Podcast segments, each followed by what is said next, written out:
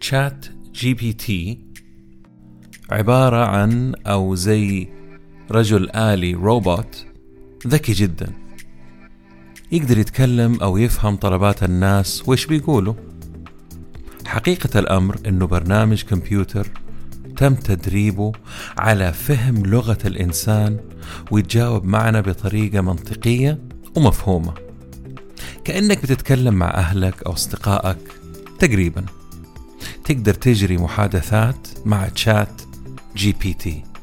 وميزته إنه في كل حديث يتعلم زيادة ويزيد ذكائه وتتحسن طريقة كلامه معانا وغيرنا.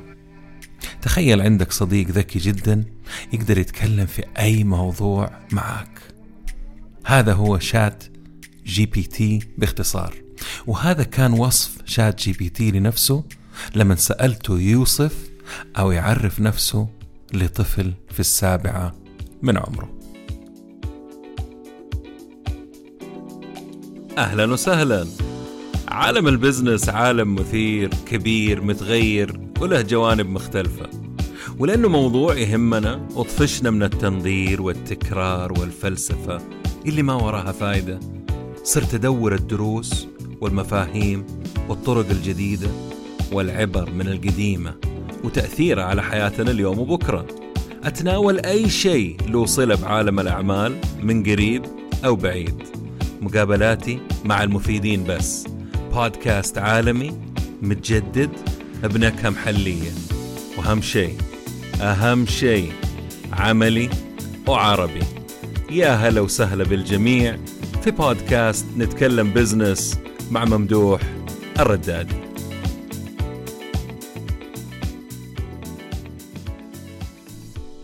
اللي يعرفني يعرف تماما إني من أول ظهور ال ChatGPT أو جات جبتي وأنا أدرس فيه وأجمع معلومات ومقالات وفيديوهات وتيك توك وغيره. وصلت مرحلة من التشبع والغثيان وفي الأخير أقول ما فهمت. أو بالمعنى الأصح معلوماتي قدمت وما يمديني أقدم بها بودكاست لكم. بعد مشاورات عديدة مع نفسي وبعض الأصدقاء اللي أذكى مني بمراحل وسنين ضوئية اتفقنا جميعا أنه العالم ما يدري إيش حاصل. ولما العالم ما يدري إيش حاصل ويتم تقديم شيء ثوري وجديد راح يغير العالم اللي نعرفه نعمل حاجة من ثلاثة أشياء. واحد نشرد ونعمل نفسنا ما شفنا. اثنين نستنكر ونرفض ونطلع عيوب وندور ناس زينا يتفقوا معانا. ثلاثة نسمي بالله ونرمي نفسنا وسطه ونجرب عشان ما يفوتنا القطار اللي تحول لصاروخ ما يرحم. طبعا لأني إنسان ملقوف ومتشعب هنا وهناك حسيت أنه لازم أرجع للمربع الأول التعليمي في الحياة. قبل ما نبدأ بودكاست اليوم رسالتين. واحدة للمختصين وواحدة للناس اللي زيي اللي هم يمثلوا 80% أو أكثر. للمختصين أعذروني إذا بعض معلوماتي على قدي دائما بابي مفتوح في جميع المنصات لتصحيح معلوماتي. للناس اللي زي حالاتي أوعدكم أنه راح أخذكم معايا في رحلة مثيرة عجيبة يعني ومتأكد راح تغير حياتكم للأفضل أو على الأقل تغير رأيكم وتتقبلوا المستقبل اللي دق أبوابكم وما عبرتوه قبل ما نبدأ أحب أذكر إنه هذا البودكاست برعاية برنامج الريادة الوظيفية. برنامج واحد داخله أربع برامج تحولك من موظف عادي إلى موظف بعقلية رائد أعمال وين ما كنت في العالم. أستحملوني اليوم لأني فكرت كثير من فين أبدأ البودكاست أو قصتنا تبدأ من فين. وبعد تفكير مو كثير بصراحة لأنه صيام وكذا. وما نمت من أمس الساعة تقريبا اثنين وربع الآن الظهر. آه قررت إني أبدأ من أفلام جيمس بوند.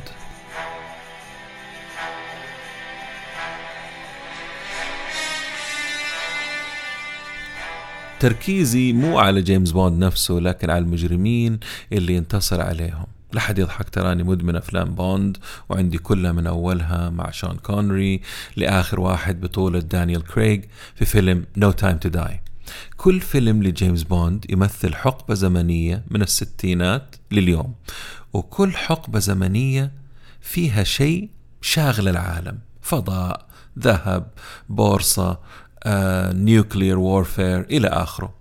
والشيء اللي شاغل العالم يطيح في يد ملياردير مجرم يبغى يحكم العالم أو يدمره. ما تدري جوهم يعني. يعني فيلم Goldfinger عام 64 الاهتمام العالمي كان الذهب. والملياردير يبغى الصينيين يدمروا يدمروا Fort Knox اللي هو المخزن الأمريكي الاستراتيجي العالمي للذهب ذاك الوقت عشان يزيد قيمة الذهب اللي عنده. غالبا أعداء بوند يبغوا واحدة حاجة من اثنين إما يدمروا العالم أو يزيد ثرائهم بشكل خيالي. لكن أغلبهم مليون مليارديرية أوكي؟ إيش دخل هذا في ChatGPT؟ ليش مستعجلين؟ أعصابكم ترى المشوار طويل قدامنا اليوم ها ما عرفتوا الهدف من ذكر أفلام جيمس بوند لسه والمجرمين مليارديرز the billionaires ممتاز. شكلها وصلت. مليارديرية اليوم ما أقدر أقول إنهم مجرمين زي حقون بوند ولكن لما توصل لهذا المستوى من الثراء عقليتك أهدافك الخاصة تفكيرك علمك يختلف عن باقي البشر. أنا مالي صلاح في أهدافهم الخاصة أو فلوسهم لكن لي مغزى مهم وهو علمهم توقعاتهم مصادرهم أبحاثهم قراءاتهم. ولو سألتكم الآن تذكروا لي كم ملياردير عالمي راح تذكروا بشكل تلقائي. بيل جيتس من مايكروسوفت ايلون ماسك من تسلا وتويتر جيف بيزوس من امازون ومارك زكربيرج من فيسبوك or ميتا ورغم حبي وإعجابي بإيلون ماسك راح أنساه والباقيين كمان معاه وأركز على العبقري بيل جيتس. هذا الرجل يقرأ تقريبا بدون يعني استثناء خمسين كتاب سنويا. أنا متأكد أكثر. قراءته في الصحة العالمية الأمراض الهندسة ال business والعلوم المختلفة وبعض الروايات. هذا الملياردير العبقري يهمنا لأنه يخوف. يخوف في توقعاته. عام 1975 تنبأ أنه الكمبيوترات الكمبيوترات حلو الكمبيوترات الكمبيوترات راح تكون حاجة الكل يملكها. ماني داري أنا بديت أكلج أعتقد مع الصيام وقلة النوم وما في موية فأعذروني ها. توقع إنه الكل راح يملكها زي أي حاجة ثانية مو بس الشركات. عام 95 تنبأ إنه الإنترنت راح يكون الصرعة العالمية القادمة. وبعدها تنبأ إنه الهواتف المتنقلة راح تعمل نقلة نوعية في حياة البشر وهذا إحنا اليوم ما نستغنى عن جوالاتنا. وبعدها تكلم عن الإعلانات الأونلاين والإعلانات الموجهة. ومرة على فكرة قال إنه ما راح يسافر لمدة سنة. في ذيك السنة سبحان الله حصل انه العالم كله ما سافر وتوقف بسبب كورونا أو كوفيد. بيل جيتس له علاقات مع أكبر وأغنى البشر وأفقرهم مع كل الحكومات والجهات العلمية والبحثية والربحية والغير ربحية. كيف ما يكون عنده علم؟ وكيف ما يكون عنده كلام عن المستقبل وقراءته له تحترم. أقرب شخص أفتكره لما أجيب اسمه هو نوستراداموس اللي تنبأ بموت الملك. هنري بريطانيا وحريق لندن وقنابل هيروشيما وظهور هتلر والحرب العالمية. وطبعا هذا عليه كلام يعني في, كتابه اللي سواه prophecies أظن اسمه كان شيء زي كذا. ولكن بيل جيتس يبني تنبؤاته على علم ومعلومات واجتماعات مع أذكى العقول العالمية والفكر. اسمعوا ايش يقول في مقابلة له AI is going to affect uh, not just blue collar jobs, but also white collar jobs. Uh, there'll be plenty of time to adapt as this increased efficiency uh, gives us more economic options. Um, it'll you know be able to help tutor kids and get medical advice, but it won't match uh, humans. Won't match Bill Gates. Not not in the fullest sense of human personality. No. بما معناه إنه الذكاء الصناعي راح ياخذ يعني راح يحل محل أشياء كثير وراح يساعدنا في التعليم و و إلى آخره ولكن ما حيوصل للعقل البشري وهنا أنا راح أختلف معاه. وفي نفس الوقت راح ياخذ وظائف قال إنه راح ياخذ وظائف الوايت كولر جوبز اللي هي الوظائف الإدارية وإلى آخره اللي في المكاتب والشركات راح ياخذها راح ياخذ وظائف ناس وظائفهم كانت محمية من التقنية. الذكاء الصناعي هو أهم تقنية حديثة لهذا الزمن. وظيفتك المتخصصة لن تحميك من مداهمة الذكاء الصناعي لها. راح تكون النقلة نوعية وضخمة وتحتاج استعداد وسرعة اتخاذ قرارات وتجهيزات فورية. للأسف لا الناس ولا الحكومات العالمية جاهزة لهذا الغزو السريع. اللي متابع البودكاست راح يتذكر إني تكلمت عن حاجة العالم المالي يعني الحكومات تبى تطبقها اسمها GPS أظن أو global payment system نظام مدفوعات عالمي يحمي الناس اللي ما عندها دخل لمواجهة التقنيات القادمة وإزاحتها لأغلبية الوظائف التقليدية. أظن في البودكاست اللي اسمه الثورة الصناعية الرابعة أو شوفوا وابتدأ المشوار أو المبتكرون المبكرون أو لكل بداية نهاية إيش؟ إيش كانت؟ لكل بداية نهاية وكل بداية فرصة. هذه البودكاست لا تفوتكم على فكرة يعني مهمة. الوظائف راح تستبدل باللي يقدمها أرخص أسرع أفضل. وهنا البطل هو الذكاء الاصطناعي. صناعي أو اصطناعي مو مهم. المهم الاسم هذا اللي هو Artificial Intelligence AI خذوا لفة على أغنى شركات العالم مايكروسوفت ميتا جوجل أمازون وشوفوا كم ألف موظف تم التخلي عنهم في الفترة الأخيرة. احتمال تعطيني أعذار زي الاقتصاد.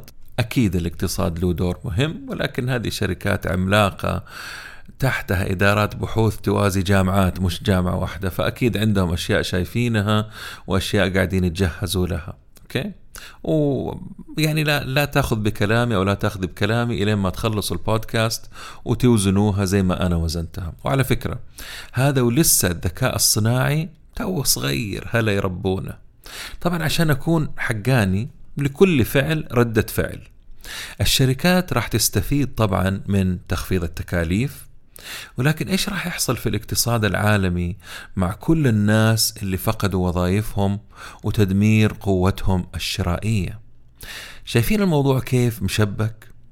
على حسب رأي الخبراء مع هذا التطور الخطير آه بعد ظهور ChatGPT قبل سنة آه قبل ستة أشهر sorry تقريبا يقولوا محتاجين سنة يفكروا في الموضوع. أنا إيش بقول؟ وهنا طبعا راح يحبوني حقون ال conspiracy theories حقون نظريات المؤامرة.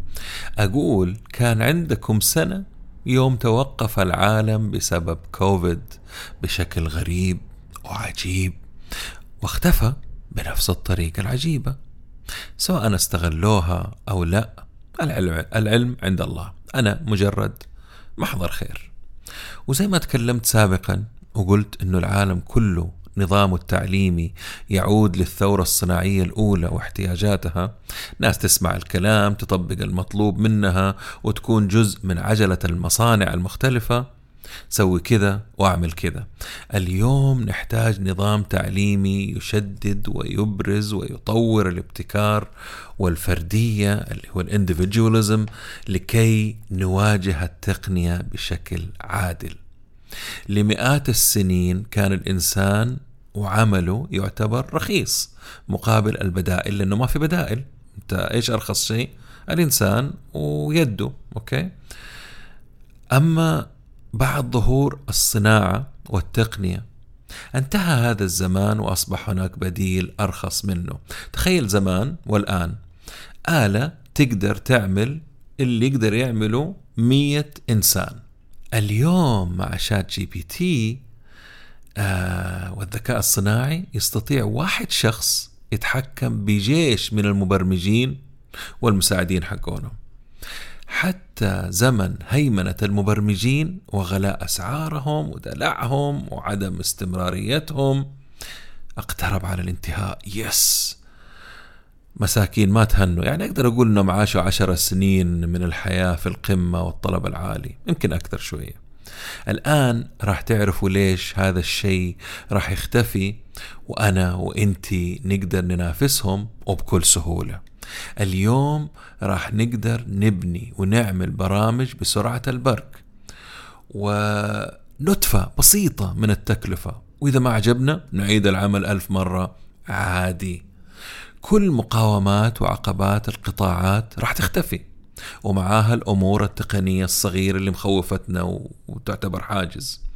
أنا اليوم سمعت على فكرة هذا اليوم أنا كذا قبل ما أسجل أو أنا بجهز سمعت واحد صيني أمريكي يقول أنا اليوم قررت أتوقف للأبد عن البرمجة وأنا أبرمج أظن من سادسة ابتدائي ولا رابع ابتدائي. الرجل على فكرة ثلاثين في يعني في الثلاثين من عمره. تخيلوا راح يوقف برمجة لأنه ما عاد يحتاج يبرمج. هذا البرنامج برعاية الريادة الوظيفية برنامج الريادة الوظيفية البرنامج اللي يعطي ChatGPT كف على رقعة وجهه. يبغالي أهدي الحماس اللي أنا فيه. المهم عشان أوضح شيء أو أقارن بين الإصدار اللي عندنا من ChatGPT الموجود وفين رايح تخيلوا معاي الإنترنت أول ما نزل في التسعينات وكيف تحول بعد كذا في العشر سنين اللي بعدها والعشر سنين اللي بعدها. الفرق هنا إنك مو لازم تنتظر عشر سنين أو عشرين سنة أعطيهم كم شهر وبعد كذا أحسب بالأسابيع عشان يجيك الإصدار الجديد المطور المحسن. في الستينات أيام ستيف ووزنياك وبيسوس وشلته هذا كان حلمهم. والآن كل اللي يعملوه هو معرفة البرومبتس الأوامر اللي تعطيها للذكاء الصناعي وتحسن فيها عشان تاخذ اللي تبغاه بالضبط. تخيل برمجة فورية تشيل عنك البجز والبرمجة السيئة وتحسنها تحسنها معليش بقول لكم اعذروني وانت بتتفرج. يقال إنه بعد خمس سنوات أو أقل البرمجة راح تختفي خلاص. ترى هذا كلامهم مو كلامي. مكسوف أقول لكم إنه كل اللي راح تقريبا يعتبر مقدمة. نعم كان مقدمة. اليوم بواسطة ChatGPT تقدر تحول ال text النصوص لبرنامج. متخيلين؟ أعمل لي برنامج يسوي كذا كذا كذا. تم. شبيك لبيك. برنامجك بين يديك. أكتب البرنامج أو أوصفه والذكاء الصناعي يعمل لك اللي تبغاه. بوم في دقائق. حتى البرومتس اللي بتكلم عنها اللي هي مهمة الآن اللي تعطوها الأوامر لهذه حتختفي. اللي هي مهمة اليوم طبعا. حتى خطك السيء يقدر يحول البرنامج ويشتغل هذا البرنامج. طيب إيش يقدر يعمل؟ إيش الأشياء اللي يقدر يعملها ChatGPT اليوم؟ أو ال open source artificial intelligence الأسامي كثيرة. يعني هو ChatGPT أظن 4 والآن نزل شيء جديد اسمه جنرال بس خلينا نشوف إيش إيش موجود الآن. يقدر يعمل لك mock up عن طريق واحد برنامج اسمه auto design mock up اللي يوريك كيف التطبيق شكله.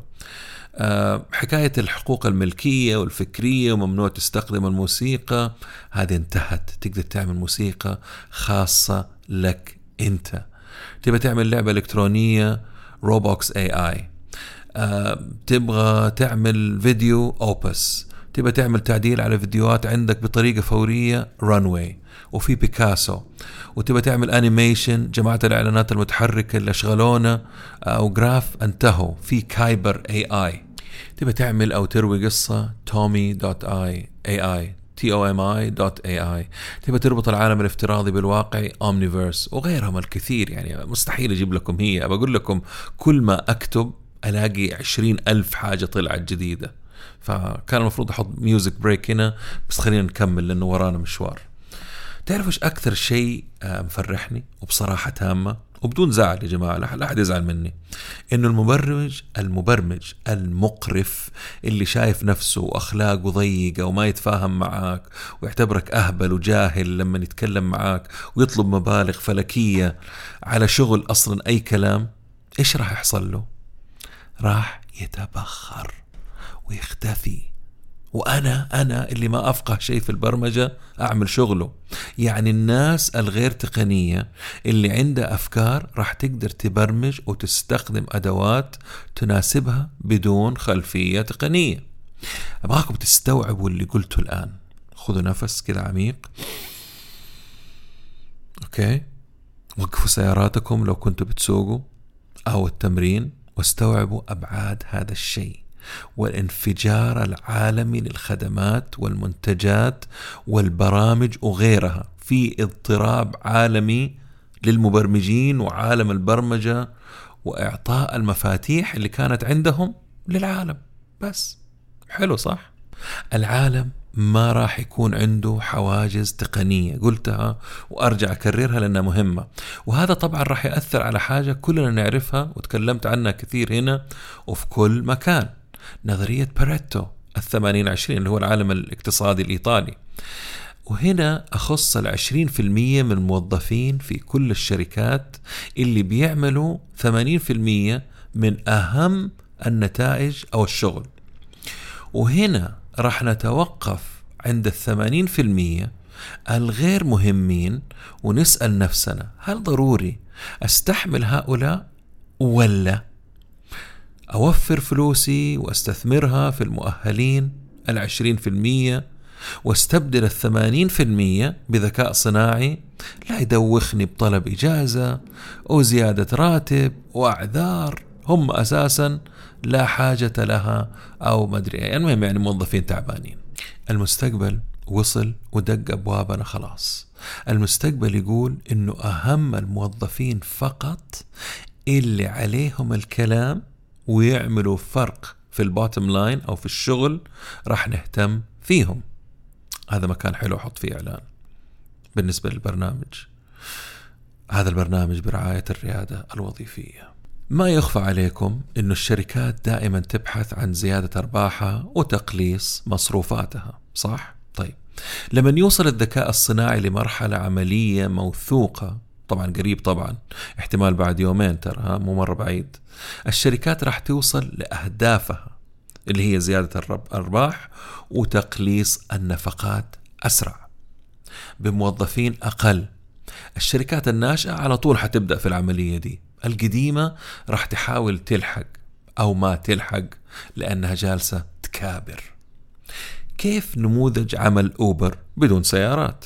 و Airbnb بدون فنادق. قريب جهات برمجية بدون مبرمجين. وزي ما قلت قبل ثلاثة أو أربع سنين وظيفتك راح تكون عقد عمل freelancer وينتهي واللي بعده.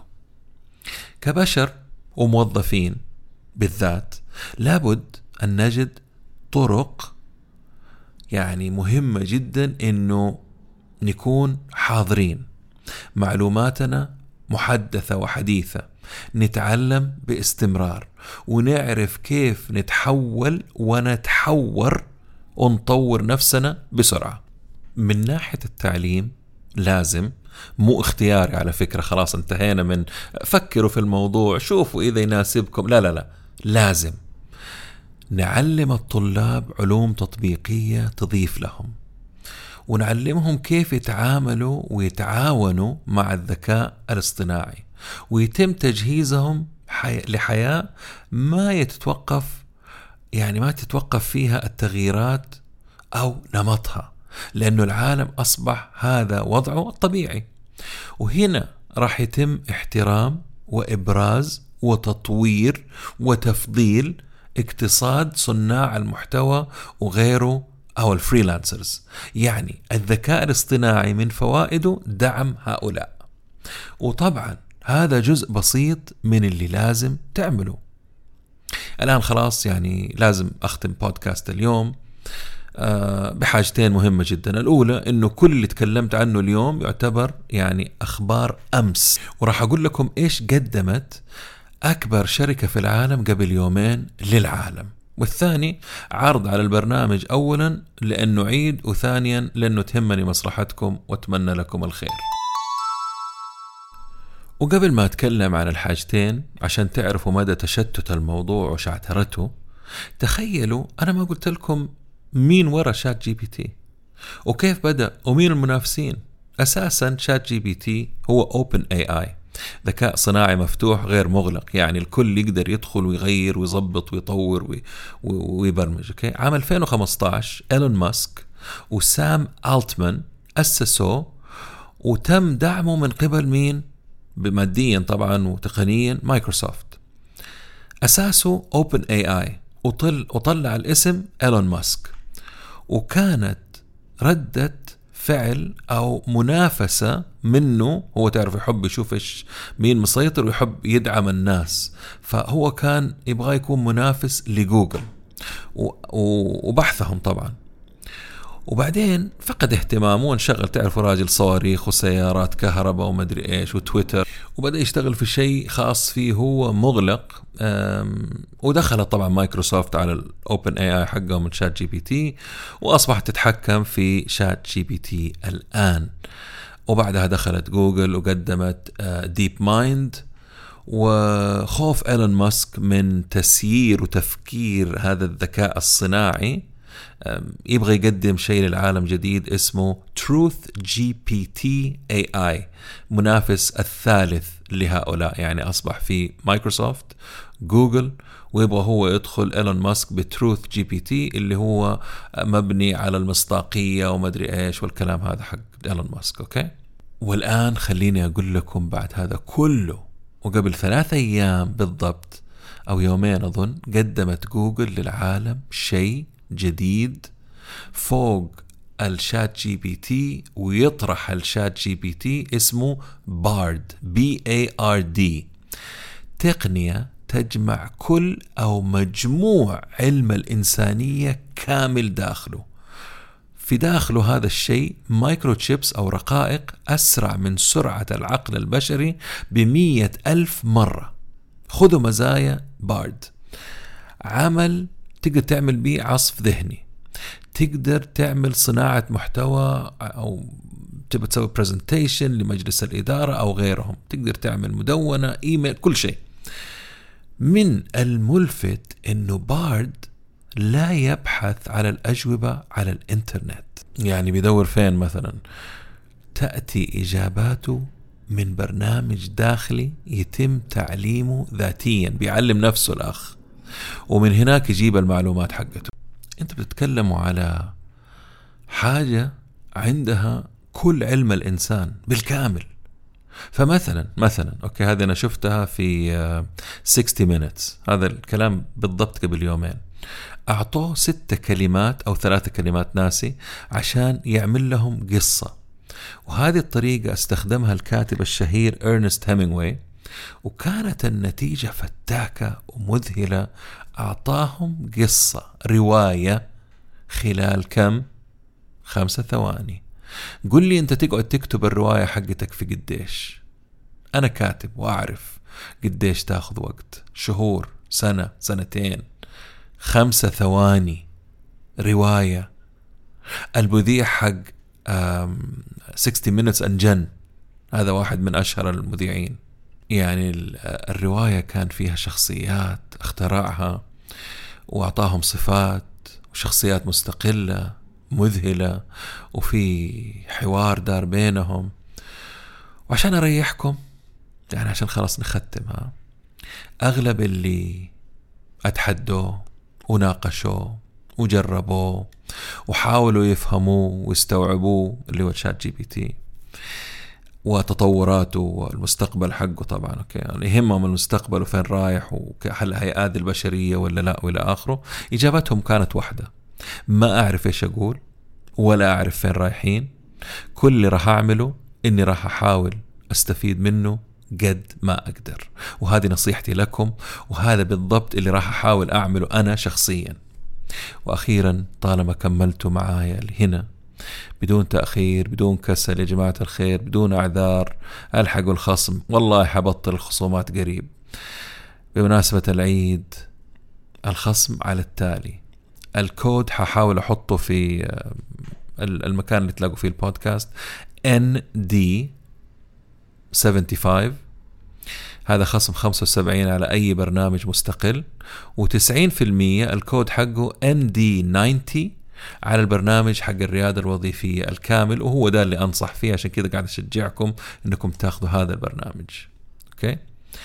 شكرا لوقتكم ولا تنسوا يا جماعة الخير في هذه الأيام المباركة الفضيلة تدعو لوالدتي نوال درويش اللي انتقلت إلى جوار ربها في هذا الشهر الفضيل.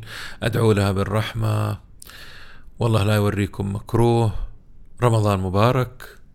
وكل عام وأنتم بخير. وأولئك